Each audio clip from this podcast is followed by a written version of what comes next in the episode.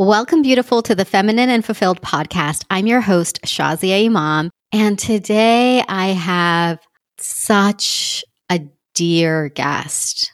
Like, I want you to just feel your heart right now and know that you are about to embark on a magical journey as you get to meet in person one of my dear clients and hear from her firsthand her own journey of transformation. And I know that you are going to feel yourself in her story. I already can feel it.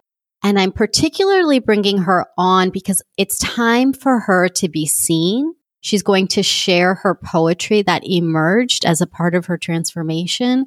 And it is, I can't even use words, magnificent, beautiful, touching. There's no words for it, and you just get to hear it. So let me read her bio and then I'll have her jump right in to go ahead and share her first poem. So let me introduce Faiza Kimji, who is a graduate of Georgetown University, where she studied Latin and biology. She went on to study dentistry at the Ohio State University and now practices as a general dentist in her hometown of Akron, Ohio. Her joy in life is learning and experiencing new things from climbing Mount Kilimanjaro to reading philosophy in her free time to perfecting her fish taco recipe. That's true. I think we will we'll share the fish taco recipe in the show notes if that's okay, Faiza. yeah, that's fine. However, the accomplishment of which she is most proud is making the decision to look within, be wildly vulnerable, and start her coaching journey with Shazia Imam. Oh my gosh, Faiza. I'm so glad to have you today. And let's just start with the poem. Like, let's just go all in. Okay. This poem is called Secrets. I once saw some dishes in an anthro catalog. They were broken and put back together with gold colored glue, like it was symbolic or something. I scoffed because obviously they were just patterned dishes made by some broke kids in Vietnam or whatever. Just a silly marketing trick. I went on with my life, heedless of those little daily heartbreaks, like an unkind word, a thoughtless laugh, an unanswered text, and the not so daily heartbreaks, like losing a pet, or a grandma, or a father, or a sister. And suddenly I found myself in pieces, and I thought something must be wrong with me because I broke. But I was game. I was strong. I hid my broken parts behind walls of accomplishment, swept them under rugs of laughter and makeup. But secretly, I tried to bandage them together with school and work and long lists of things titled to do. When that didn't work, I tried to hand the pieces off to false friends, false men, false fun. But when my pieces were neglected, ignored, cast aside. Secretly, I hid, and secretly, I cried, and screamed, and tried to smash my pieces to dust, stomp them into glittering nothing until I just could not try, too exhausted to hide. There was nothing left in my power to do. When a subtle breeze caressed my forehead, it whispered, I am your maker. Unmake me, I begged. He ignored my pleas and rustled the trees. I know, I know what is between the heavens and earth and under the soil. I know the secrets you keep and the secrets of you you don't even know. Do you think I don't know every scream, every false idol you pursued, every glittering cut of pain? Not a leaf falls, but I know it. Not a tear falls, but I know it. And I didn't even notice I was cradled in his hands as his words began to align my parts true. Just be, let me, he whispered, and breathed himself in the glue, and remade me, gently, smoothed my sharp edges, poured gold down my back, and gilded my cracks, and put the pieces of me back together beautifully. He said, I won't leave you, my love, and kissed what remained. Don't forget, I am closer than your gold flecked veins. I have to pause. I am closer than your gold flecked veins. So, welcome, Fiza. Thank you. It's an honor to be here, really, to be included with all the incredible women that have been part of your podcast. I'm just so happy to be here. Mm. When you first sent me your poetry, Fiza, I remember the moment. You're like, something like just came through me today. Here it is. And then I read it. it just came on a text, you know, like, here's, you know, something I wrote today. And I'm like, and like the tears were streaming down my face because your poetry, it felt as though they were my words. They put words to the feelings that I've never had words for. They felt so connected to our Lord in a way that I could never put words to. And it felt truly from a divine place. And I, I remember thinking, Fiza, like, who are you? What is this? What is this miracle right here? And from that moment, I have said, you get to share this. Other women get to hear this because you're putting words to the feelings that many of us don't know how to describe the pain, the love, all of it in between, the false way that we live. And yet we still show up with that smile on our face, even if we're dying inside. And yeah. you have ah, so captured it beautifully. So let me pause and let you talk because I'm just talking and talking because I'm I've turned into that fangirl now. I'm like, no, truthfully, it came as a surprise to me as well. When I was a kid, I used to write poetry, like I had a book of poems and and I was always writing. And I sort of got away from it in high school. You know, I started focusing on my college resume and all my extracurriculars and just let it go by the wayside. And then you and I were coming to the end of our coaching journey all these years later. And I had joined this class that was, it was called the Book of Love. And it was during Ramadan, which is the holy month of fasting for Muslims. And this class was called the Book of Love. It was all about love in the Holy Quran. And part of it was daily reflections. And I remember in the class, people would post these beautiful poems and I was just like, oh, I wish I had never given up poetry. I wish I could write like this, not thinking I was able to, but just admiring these beautiful words. And maybe two or three weeks into the class, I just was doing my daily reflection and I just felt this creative force flow through me. And this poem just appeared on the page in about five minutes which whenever I write a paper or a story or a speech, I mean, I'm always tinkering and fixing. It takes me ages to get something that I'm happy with. And this, it just flowed so naturally. It was really a crazy experience. And I was like, okay, cool. This is nice. You know, I sent it to you. It happened once. And then a few days later, it happened again. And then it happened again. And I just really, it almost felt not like it was me. It just felt like someone or something was kind of flowing through me and the words would just come on the page. Mm. Well, I'm so glad they've come on the page and thank you for sharing. We're going to get to hear a few more of Faiza's poems as we continue this episode.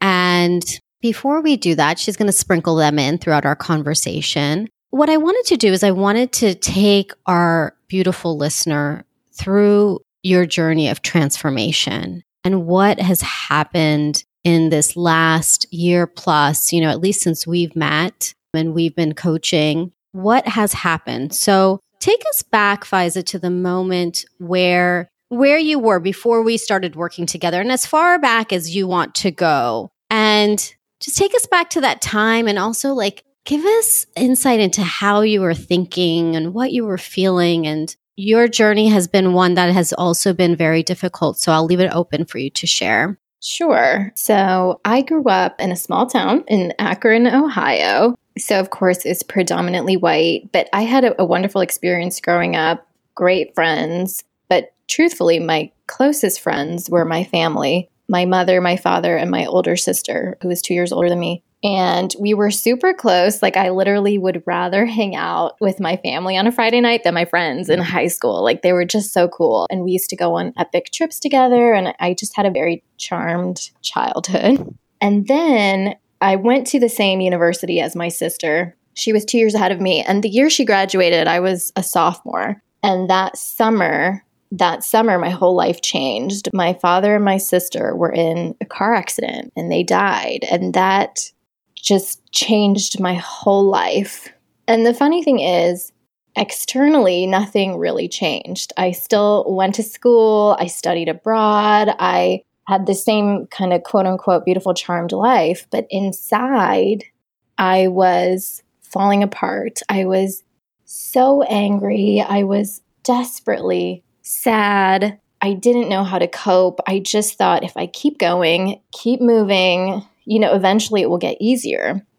And really, I lived in that state for about 10 or 11 years, just going through the motions, but hating my life. And when I was about 30 or 31, you know, I had everything I thought I wanted. I had a really fancy job where I was a leader, I was well respected, I had a fancy apartment, like a penthouse apartment with these beautiful city views. I was with this guy who was wealthy and, you know, paid for everything and treated me nicely. And all these things I had that I kept reaching for.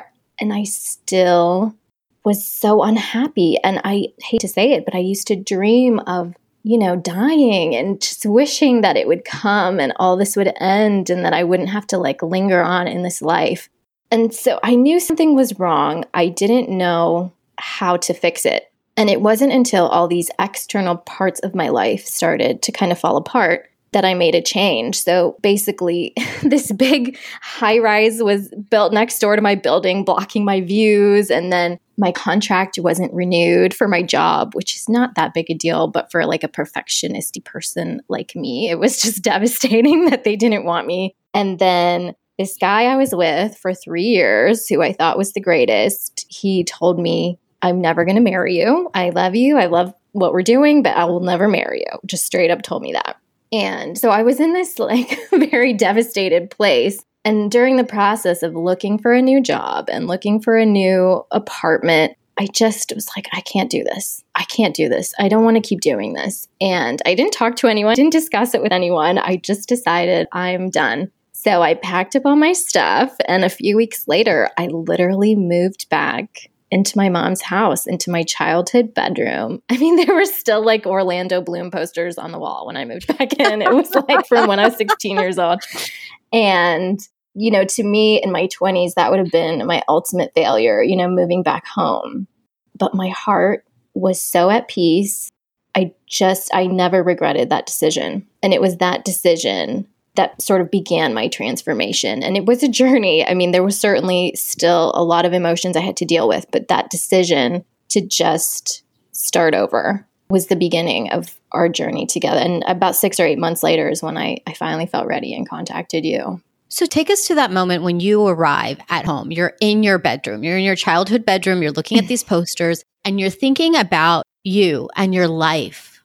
What was happening? Like a failure Yes, I felt like a failure that I had everything and I just didn't know how to handle it. I felt out of control. To me, control was the most important thing at that time because I thought if I showed any weakness, the floodgates would open and all my grief would pour out and I would never recover. So I just felt like such a failure. But the funny thing is, inside, I still felt at peace because I just knew the trajectory my life was on, as much as it seemed successful, just was not working. So it was really a lot of mixed emotions when I first moved back. Yeah. And I'm totally hearing that too like the mixed emotions of like, yeah, feeling like a failure, like, oh my God, where am I right now? What happened? I have no mm-hmm. idea what's going to happen next. I thought I had it all together. And then the same time feeling this peace. And that's such a juxtaposition of feelings.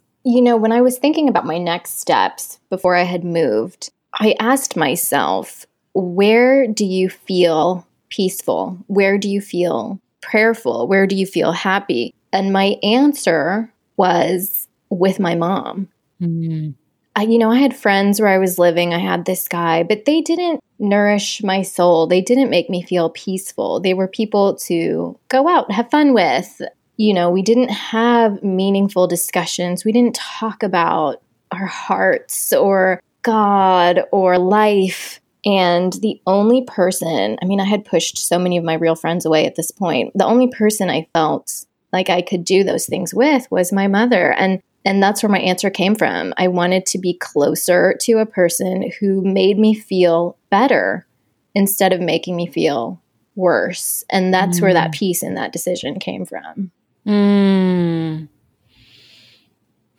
It's really powerful. I, I want to acknowledge you for trusting that, for asking that question, then trusting the answer. And I say that because I oftentimes see women who, myself included, you know, for a very long time, I didn't trust what was being shared with me, like that intuition, that divine guidance, you know, that truth. And I, I didn't follow it for a long time. And I see many women in this place too, because it seems like the things and quotes are what are supposed to be the things, right? Like they're supposed to be the yes. things. So mm-hmm. why wouldn't you just stick those things? And, you know, if you were to like tell somebody about your decision, maybe everybody would be like, why would you do that? And yet there is a divine guidance that is telling us this is what is best. It's like the gold being poured in your back, like you said in your poetry, like God pouring that gold and putting the pieces back together. Like, I mean, that's,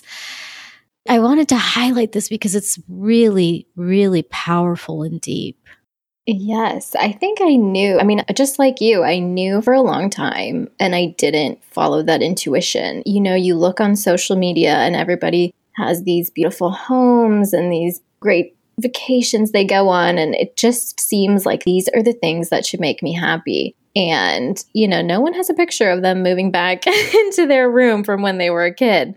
and so I fought it and fought it. And truthfully, it wasn't until the things, the stuff in my life started to fall away that I finally, you know, I kept being pushed and kept being pushed. And finally, I made that decision once the actual stuff in my life stopped working out. Hmm. Yeah, that happens to people like you and me, Fiza. We're the stubborn ones. So yes, yes, totally. Like you'd think after ten years, I would have been like, okay, it's not working.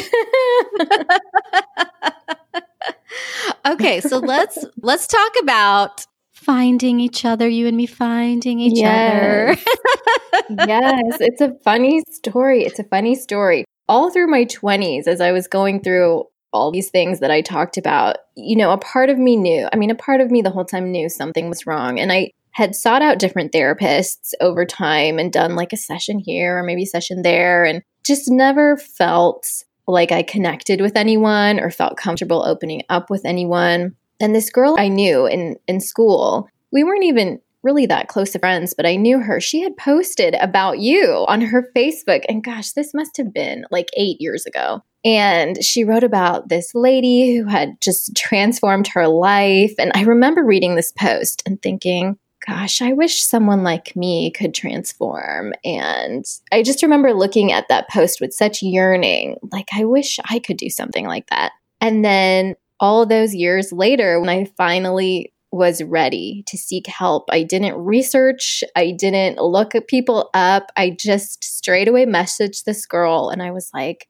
you know, five or six years ago, you posted about someone and I don't remember her info, and she sent me your information. And I knew all those years ago and contacted you. And after our first session chatting with each other, I was like, okay, this is it. She gets me. and that was the beginning. Oh my God. I still remember, I remember that conversation. And here's what's so interesting too is that the friend that had been my previous client as well, mm-hmm. she had actually come to me from somebody else's recommendation. She oh, had become fun. my client from somebody else's recommendation. Yes. And this is where I just leave it to you know, as a coach, I'll give you guys some just insight into what happens. There's a lot of stuff in the coaching world of like how to find clients and like do this and do that. And I'm just not that person because I have learned over the years that clients are divinely guided to me. Like I am purely a conduit in this life to be a coach. Like this is my purpose. This is what I do. And the right women will come. The women who are meant to have their journey of transformation,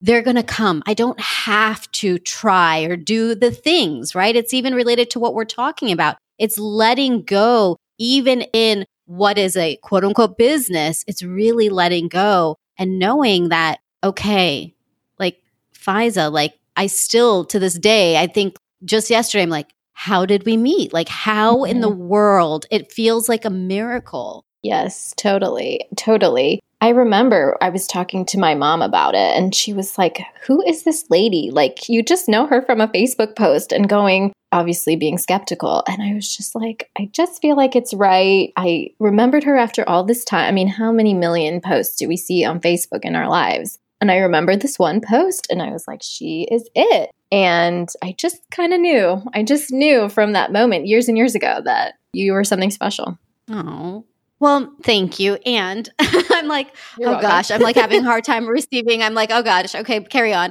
Um, okay, but here's the thing. I'm like, I want to make it really beneficial for the woman who's listening too. And, you know, yes. there's a place to, and I've, you know, I have my own coaches as well. What was that point where you said, okay, I'm going to get a coach or I'm going to get somebody because you had tried things along the years, but what was it where you were like, you moved from sort of this hesitation that we often do, right? Like, I should one day, maybe, I don't know, I'm mm-hmm. doing this right now, and we get distracted. What moved you from, or even tell us what may have been your hesitation with coaching, and then what took you to say, okay, I'm going to make the leap and do this? Yes, I think my hesitation was just fear. I held myself in such tight control and in such a place of like, I can't let anything slip because if I let a chink form in my armor, the whole floodgates of my grief and my despair, all this stuff, I won't be able to bottle it back up and it will destroy my life or it'll destroy me.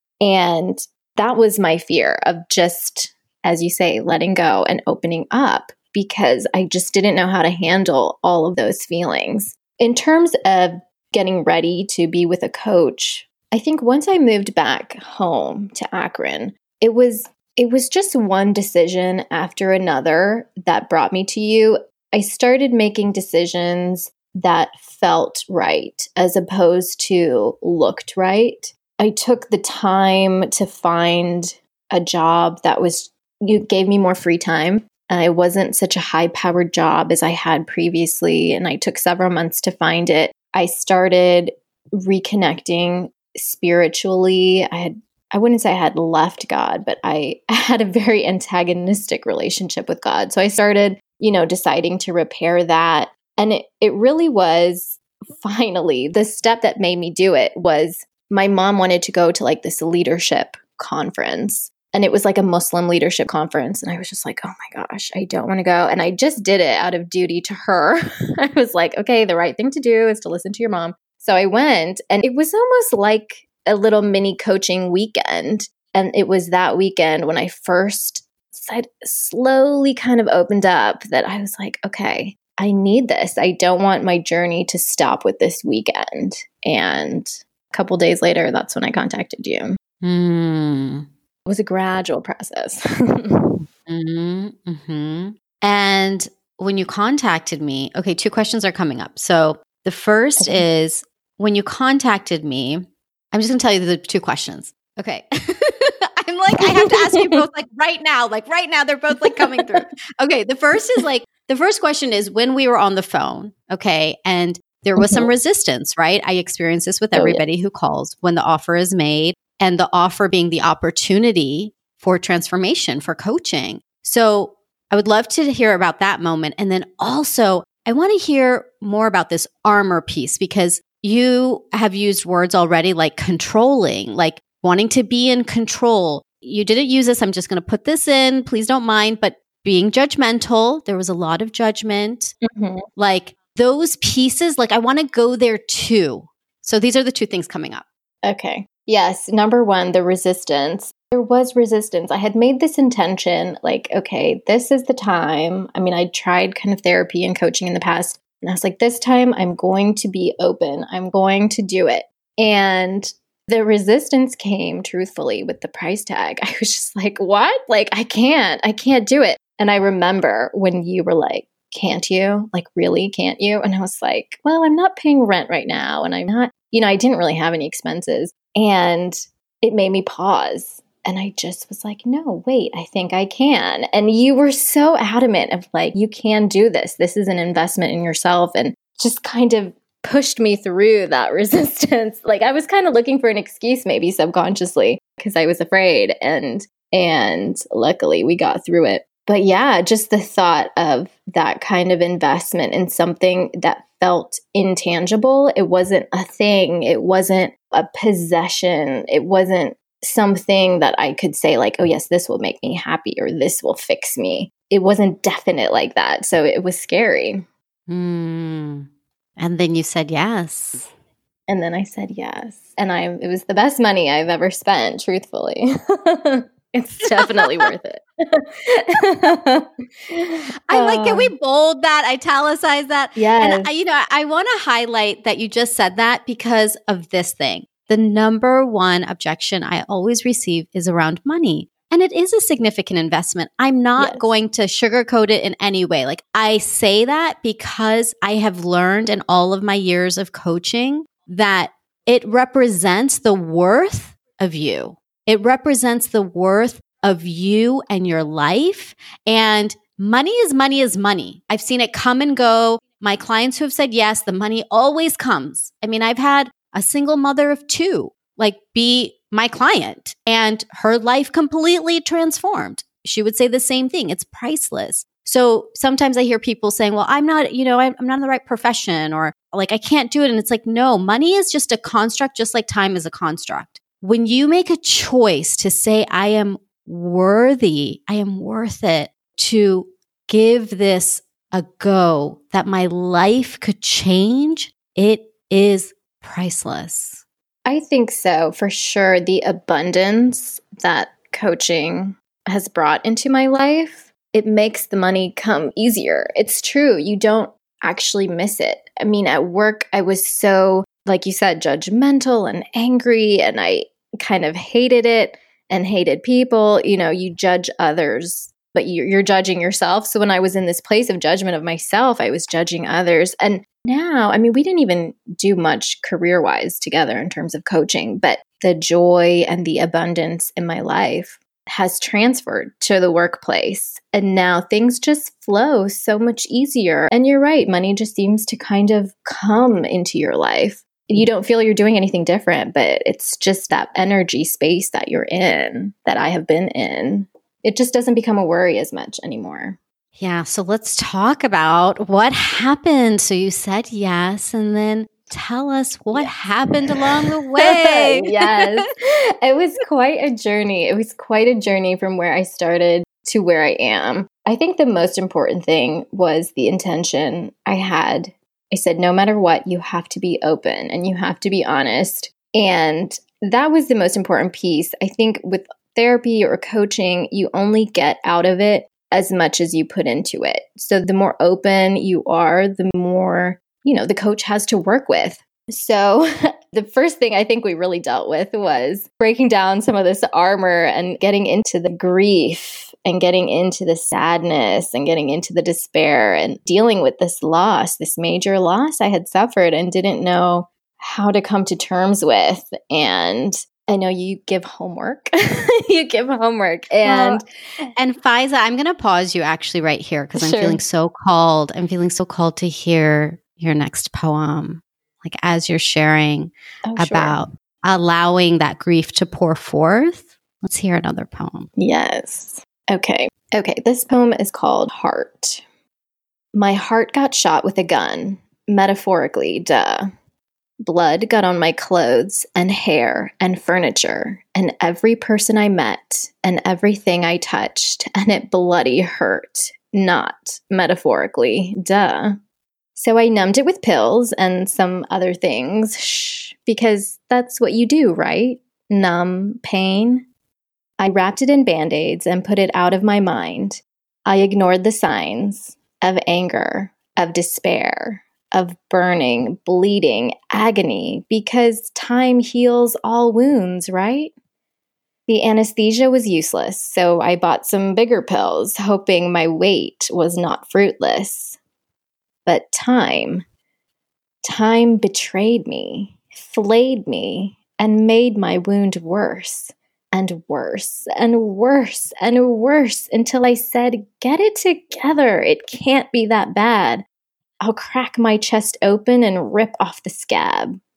I took a saw to my bones and cut my way in. I rappelled down my aorta and swam through the blood, canvassed the auricles and wrapped them in salves, took a chisel to the shrapnel in my ventricles, purged the Purkinje and opened the valves. And when I finally felt my heart was clean, I found someone closer than my jugular vein. Come with me, he said. I know the hidden places of your heart better than you. Here, take my hand. I'll show them to you.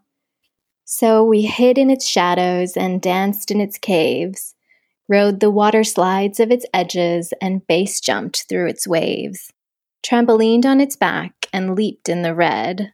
We cried when it clenched and stomped to its boom, fist pumped to its pump, and laughed as it bloomed. I told him my secrets and smiled and knelt there were 99 names for all that I felt. I'm always here, he said. If you want to play, or cry, or hide, or be, I'll come when you call me. Take a step, I'll take 10. Even if it's just to sing a song or hold hands, or if you find you can't stand. And I asked myself why, why I ran, when all the answers were here in this beautiful, bloody, beating thing that the world ripped apart so I could slip in and find peace. Hmm. I don't know if my snaps just came through. There's just. Oh, okay. Well, good. oh my goodness. Faiza, you cut through your bones. Oh my gosh the imagery. Okay.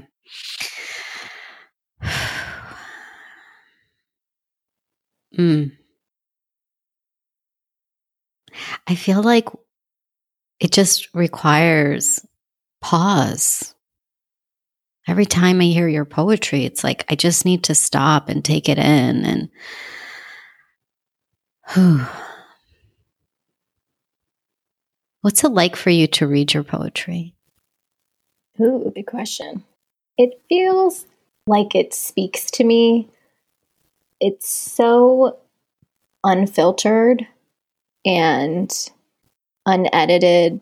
It doesn't feel like I've softened it to make it quote unquote more acceptable. It just feels very real and very much what I've been feeling. It just feels honest and it feels freeing.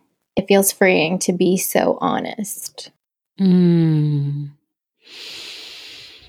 So let's go back to what you were sharing and getting honest about your grief. You started to share about that. Yes, yes. You were very strict with giving me homework to open up and to journal and to to look within and it was very scary at first because I was afraid, what will I find in there? And I remember we had a conversation and I said, I just feel like there's nothing inside of me but pain and darkness, and I don't want to go there.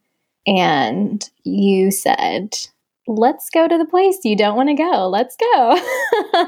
and it's true. It was true being open and being honest and being real was the most healing thing.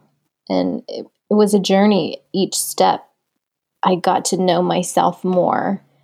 And it was layers, you know, you, you take one step and then you take another and you go deeper and deeper into yourself. And that's what the poem is talking about. You know, I kind of climbed down in there and and swam through all the all the junk in there and dug it out and chiseled it out and And then that's where that cleansing comes from. Hmm. And you kept going.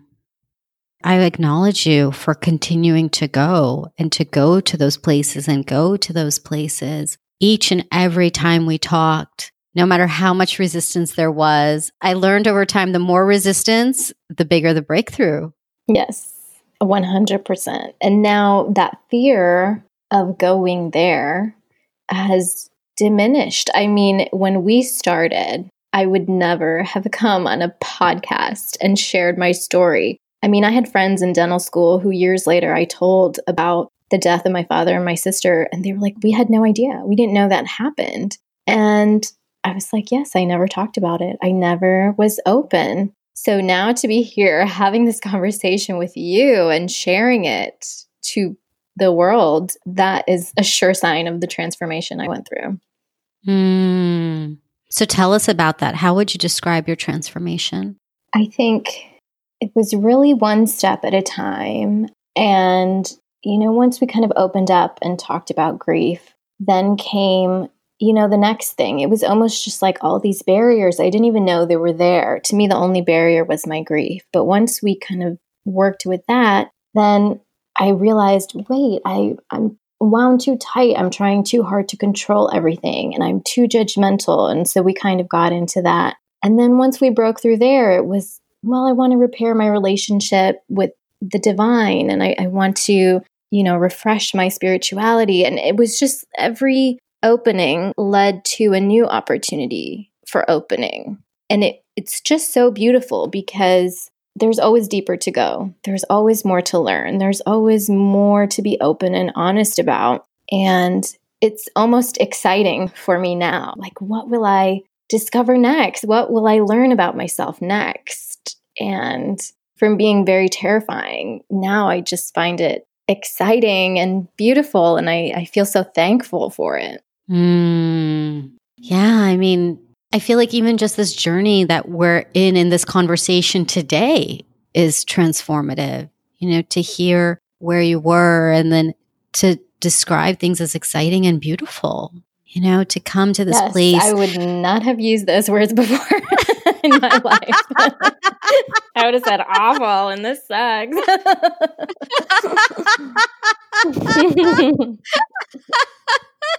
I'm like laughing with the belly laugh because I do I remember our first conversation. And the thing is, is I, I saw you. I saw you from the first time that we talked. And I saw the things in you that you couldn't see at the time.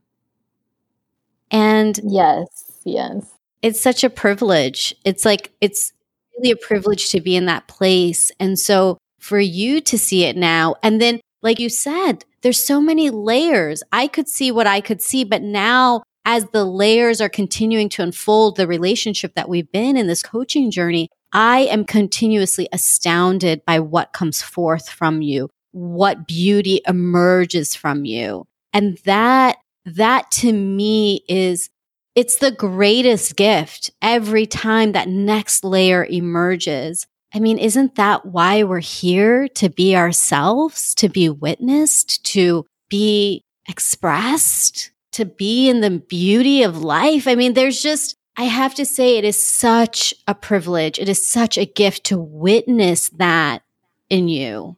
Yeah. I, you know, when we first started, I remember you saying, like, I want to unleash you. I remember that phrase. And I was just like, oh my God, what is going to be unleashed? I, I, I don't have anything within me that is worth unleashing. And you did. You saw what was hiding under all those layers and all those, you know, stories I had told myself about who I thought I was. And it's true. The more true you are to yourself, just the more beautiful life is. And, you know, Islamically, like I look at it from an Islamic perspective, we were created with this breath of divinity. God kind of blew a breath into us. And and that breath, our essence, is divine. It's and it has all the divine attributes, the the loving and the the powerful and the beautiful and all these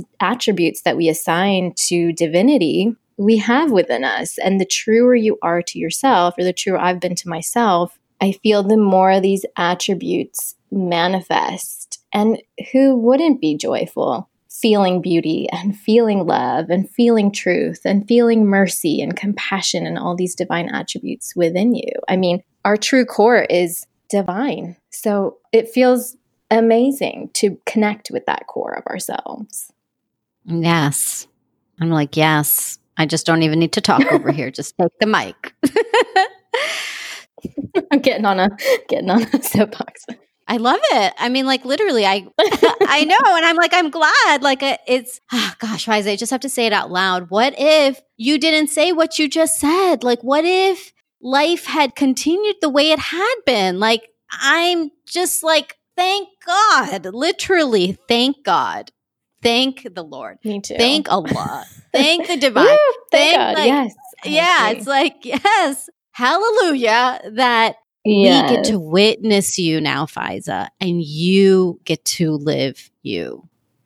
It's amazing. I have to thank you too. I mean, it's just such a gift. And if if I could go from where I started to where I am now, truthfully, I mean, I would tell anyone who's listening, you can do it too. I thought I was the person who could never change, never fix myself, never transform, but if I could, you can. I was the most closed off person you'd ever meet.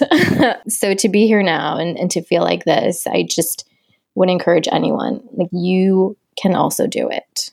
Well, thank you, Faiza, so much for sharing. Do you have any last advice? The question I was going to ask you, but I think you can roll this into your advice is how has coaching changed your perspective and your life? I read somewhere, and I'm not sure where, I can't give a credit, but I read somewhere that there are three relationships you have in your life your relationship with yourself, your relationship with others, and your relationship with God. And going through coaching and delving into myself and repairing my relationship with myself made me realize that really your relationship with yourself is the only relationship. Because if you have a beautiful mm. relationship with yourself, you will have a beautiful relationship with others and with God. Because what's in your heart is what comes out of you. So if you repair and repair that relationship with yourself and love yourself truly, then you love others and you don't judge them and you love God. And there really is only one relationship and it blossoms and it impacts every other relationship in your life. So, in terms of advice, I would say listen to that voice within yourself. It you already know what you need to do. Just take that step, listen to that voice, have the courage to do that, and the other parts of your life will fall into place because, you know, what you feel within is what you give out, and what you give out is what you get back. So take that step, whatever it is, whether it's coaching or something else, you already have that answer. And you kind of secret place, that secret part of you knows what it is. I think I am literally, Faiza, going to hand you the mic. I am just going to be here listening. Like, I'm like, yes. How do you put it to words? Like, sometimes I'm over here, like, how do I explain things? Like, how can I just explain, like, how much I feel this for other women? Like, I deeply feel it. And then what you just shared, that piece, the relationship with yourself, loving yourself. I mean, this is not a cliche self love thing. This is like a visceral love yourself to the rawest place because you are beautiful. You are magnificent. You are divine. You are so many things that you don't even know yet. And your only role is to meet yourself. Yes. Once you do that, everything else just falls into place. It's not the other way around. Yes. Yes. Like high five to you on that. Like we both know. yes. Yes. Yes. well, Faiza, thank you so much. I have a feeling there's going to be a few listeners who say, Hey, I want to connect with you. Oh, sure. I don't have my poetry or anything published online or anywhere, but you can find me, Yet. I guess. Yet. Yes. Yet. Hold yet. on. Yes. Yes. Mhm. Uh, thank you, Shazia. I think probably the best way to connect with me would be on Facebook, and it's just Faiza Kimji. My name's on there. So send me a message. I'm happy to chat all things coaching or anything with people. I'm totally open now. Beautiful. And what we'll do is we will put links to everything on our show notes. So you can find that at thelifeengineer.com slash podcast slash FAIZA. That's F A I Z A. And speaking of poetry, I know you are going to share one more poem with us. So we will use that to close out our episode. Wonderful. I just want to say before we finish, thank you so much for having me on and thank you for being you and bringing me on this journey. I feel very blessed to know you and to have worked with you. Thank you, Faiza. I love you so much. And I feel so blessed too. I, I really ask myself so many times, how did we meet? And it reminds me, it reminds me that everything is fashioned by the divine. And all we get to do is trust and be in it. So I love you, and I'm so glad our world's connected in this world. Okay, this poem is called Masquerade. You could call me a master of masks. I have a closet full of faces for whatever the situation asks. The master chameleon, refracting my own light into prismed pieces in order to please.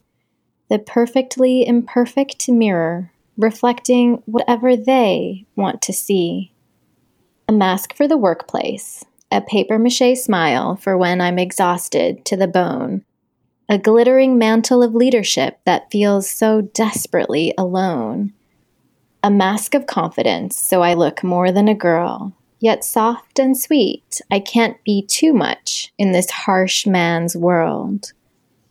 A new face for the mosque, draped in extra fabric to be safe, smiling at the aunties whispering about me in the corner, pretending this mask does not chafe. A mask for my friends, whitewashed to blend in, some self deprecating remarks, and a blurred edge around sin. A veil even for the house, bejeweled with smiles, gilded in obedience, sometimes heavy like a shroud happy to wash the dishes when I would rather lay in the grass and contemplate the clouds.